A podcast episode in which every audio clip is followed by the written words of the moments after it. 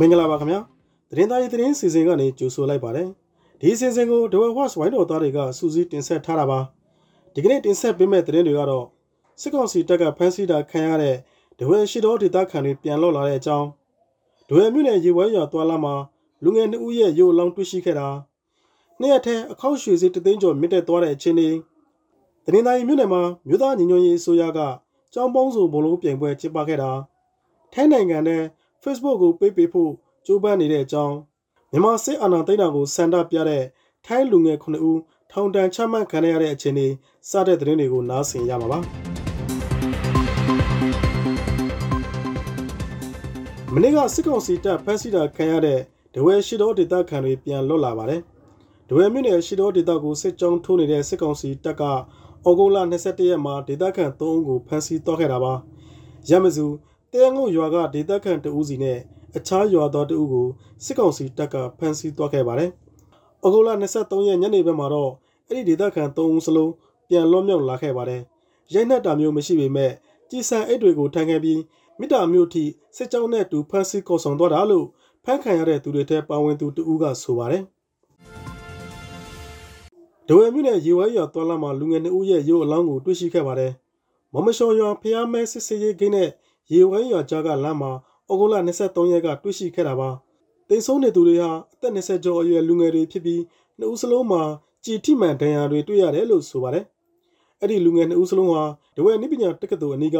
တေးအချောထည်ဆက်ယုံမှာအလုပ်လုပ်နေတဲ့အလုပ်သမားတွေပါ။ဩဂုတ်လ22ရက်မှာအဲ့ဒီလူငယ်နှစ်ယောက်ကိုအမည်မသိလူတစုကလာခေါ်တော့ခဲ့တာလို့လည်းသိရပါတယ်။တင်ဆုံးသူနှစ်ဦးထက်ကတဦးကတော့ဇောဟာရခန်တဦးဖြစ်ပြီးသူ့မိဘတွေက စစ်ကောင်စီတပ်ကအငိမ့်စားယူထားတဲ့သူတွေဖြစ်တယ်လို့ဆိုပါတယ်။နောက်တစ်ယောက်ကတော့ဘယ်သူဘဝဆိုတာမသိရသေးပါဘူးနေ့ရက်ထဲအခောက်ရွှေဈေးတသိန်းကျော်မြင့်တက်သွားပါတယ်ဒဝဲဈေးကွက်ထဲမှာနေ့ရက်ထဲအခောက်ရွှေဈေးတသိန်း3000ကျပ်မြင့်တက်သွားပါတယ်ကြမလို့လို့ရှိနေတဲ့ရွှေဈေးဟာအကြမရှိပဲအတက်ဘက်မှာပဲဆက်ရှိနေခဲ့တာပါဩဂုတ်လ23ရက်ကတသိန်းကျပ်မြင့်တက်ခဲ့တယ်လို့ဒီကနေ့ဩဂုတ်လ24ရက်မှာလည်းနောက်ထပ်3000ကျပ်မြင့်တက်သွားပြန်ပါတယ်ဒါကြောင့်ဒီကနေ့ဒဝဲဈေးကွက်ထဲအ ခောက်ရွှေတကြသားကို38သိန်း3000ဝန်းကျင်ဈေးပေါက်နေခဲ့တာပါတနင်္သာရီမြို့နယ်မှာမြို့သားညီညွတ်ရေးအစိုးရကနေပြီးကျောင်းပေါင်းစုဘောလုံးပြင်ပွဲကျင်းပခဲ့ပါတယ်။တပတ်ကျော်ကြာကျင်းပခဲ့ပြီးဩဂုတ်လ23ရက်မှာအဲ့ဒီဘောလုံးပြင်ပွဲပြီးဆုံးသွားခဲ့တာပါ။ထိုင်းနိုင်ငံတဲ့ Facebook ကိုပေးပေးဖို့ကြိုးပမ်းနေကြပါတယ်။ Facebook ဟာထိုင်းနိုင်ငံမှာလူသုံးများတဲ့လူမှုကွန်ရက်တစ်ခုဖြစ်ပါတယ်။ Facebook ကိုပေးပေးဖို့အတွက်ဒီလောက်ကိုပိုင်းမှာတရားသူကြီးချုပ်ရုံးထံကနေပြီးအမိန့်တုံးခံသွားမယ်လို့ Digital စီးပွားရေးနဲ့လူမှုရေးဝန်ကြီးကဆိုပါတယ်။လူတွေကိုကြီးကြီးမားမားအန္တရာယ်ပေးနိုင်တဲ့လေးလေကြော်ညာတွေကိုပိတ်ပင်ဖို့ပြက်ကွက်နေတာကြောင့်နိုင်ငံတွင်း Facebook ဝန်ဆောင်မှုကိုပိတ်ပင်ဖို့ကြိုးပမ်းတာဖြစ်တယ်လို့ဝန်ကြီးကဆိုပါတယ်။ Facebook ဘော်ကလင်းညာကျညာတော်တွေကြောင့်ထိုင်းပြည်သူနှစ်သိန်းကျော်နစ်နာနေတယ်လို့ဆိုရှယ်မှုဘတ်10ဘီလီယံကျော်ထိရှိတယ်လို့လည်းဆိုပါတယ်။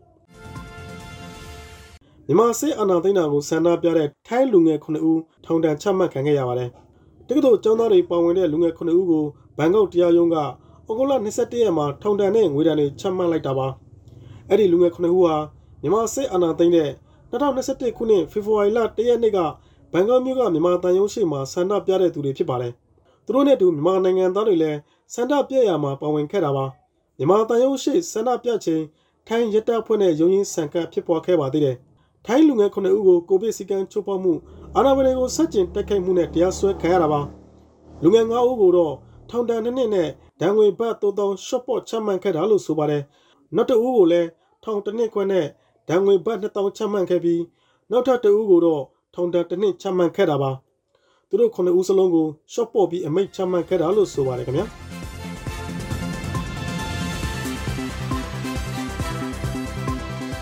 ခုလိုနားဆင်ပေးတဲ့အထူးကျေးဇူးတင်ရှိပါတယ်။မြန်မာနိုင်ငံသားများကပ်ပြီးပေါင်းကနေအမြန်ဆုံးလွတ်မြောက်နိုင်ပါစေလို့ဒဝဲဟော့ရှ်ဝိုင်းတော်သားများကစုမုံကောင်းတောင်းအပ်ပါတယ်ခင်ဗျာ။